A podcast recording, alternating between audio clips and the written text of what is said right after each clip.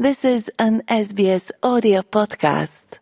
SBS acknowledges the traditional custodians of country and their connections and continuous care for the skies, lands, and waterways across Australia.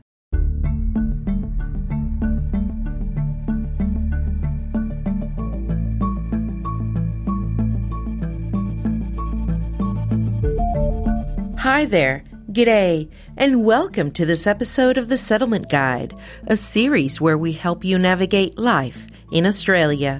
Whether you arrived today, have been living here for years, whether you were born in Australia or you're planning to move here shortly, this series is for you.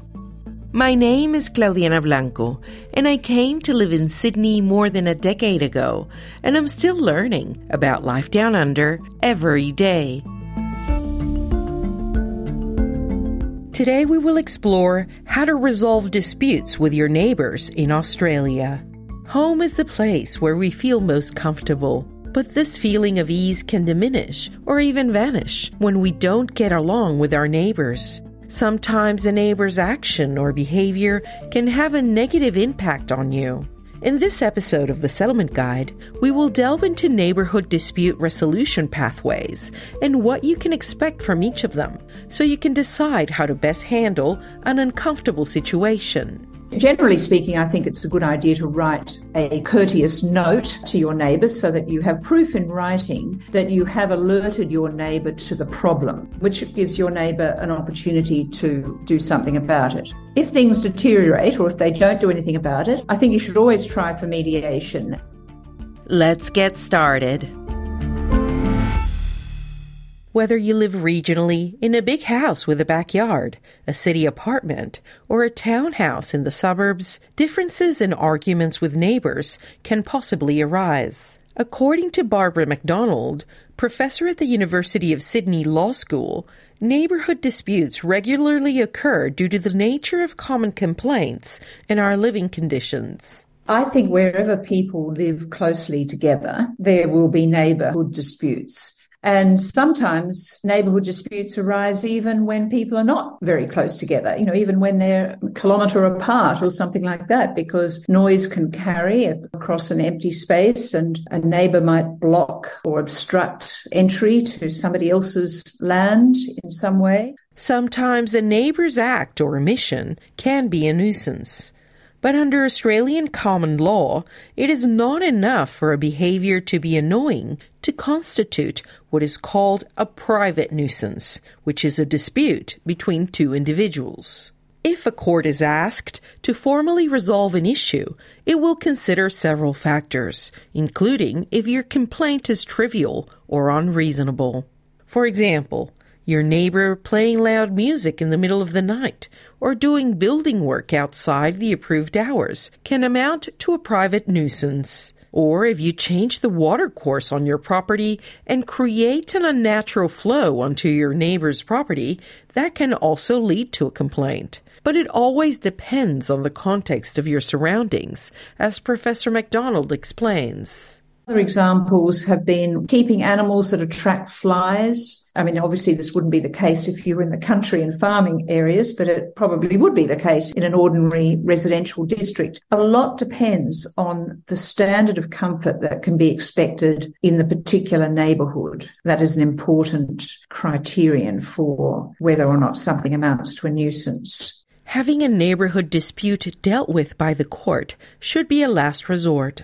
Litigation can be costly, time consuming, and lead to more acrimony between individuals. Before engaging in legal action, contact the neighbor directly. And if things do not improve, then you should consider mediation. Support is also available from government agencies like community justice centers. Professor McDonald again. Generally speaking, I think it's a good idea to write a courteous note to your neighbours so that you have proof in writing that you have alerted your neighbour to the problem. I think that would always be a first step to try and give notice that there is a problem, which gives your neighbour an opportunity to do something about it. If things deteriorate or if they don't do anything about it, I think you should always try for mediation. Melissa Haley is the CEO of Conflict Resolution Service, a Canberra based not for profit provider of mediation services. She says for people involved in neighborhood disputes, mediation can have more benefits compared to other dispute resolution methods. This is because the mediation process involves working out the dispute and helps the two parties understand why the dispute emerged in the first place. It also assists the neighbors discuss how the conflict affects both sides and how to resolve and deal with future disputes. And that then gives all parties real ownership and a real empowerment to want to actually make things better going forward. And it's not something you can achieve when you go into an adversarial process where you have one person making a decision on what has just been presented in front of them. And the parties that are actually in the conflict don't actually get to, to sort it out.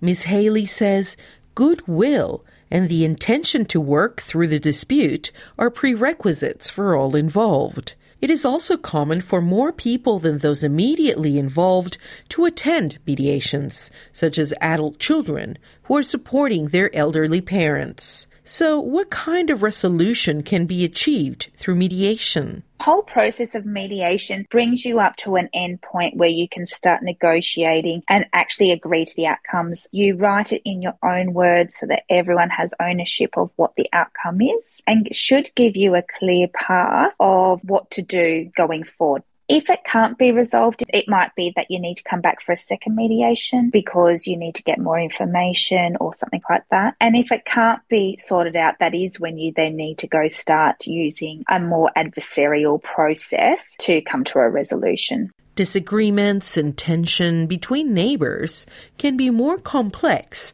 when multiple people with different interests are involved. This can usually occur in the case of units or apartments.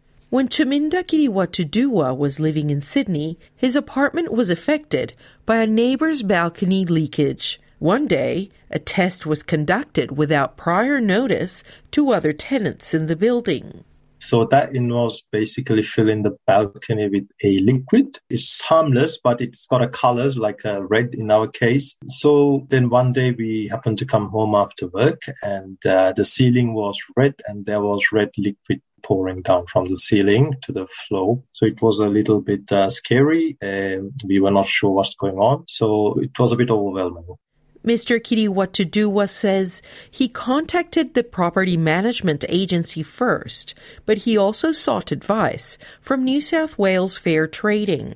Working towards a resolution was stressful, as the neighbor who had conducted the leakage test was also a member of the Strata Committee. Although he eventually received compensation for the damage, Mr. Kiriwatudua says it came with delay. The agency didn't know who initiated it. It was uh, one of the members of the strata committee, and because of that, the agency could not give out notice to the tenants. And then the agency had to track down basically who's liable to actually fix the mess that was caused. It took about three months from start to end, but there was no root cause or no accountability as to who or what was this incident to happen. But rather, they did put some measures in place to allow for better communications in case of something like this. Melissa Haley emphasizes that when a dispute resolution takes place in a strata community, a decision must be made on how to deal with similar future incidents.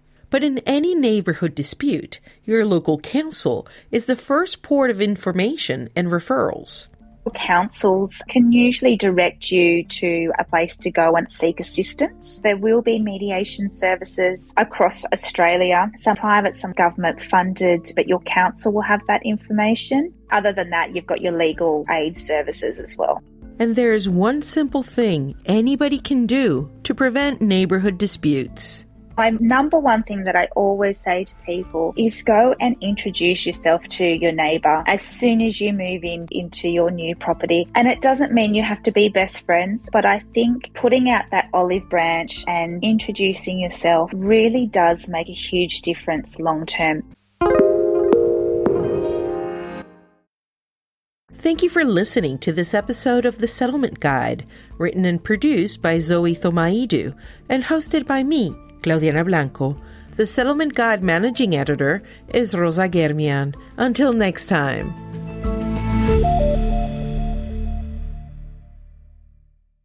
sbs.com.au slash audio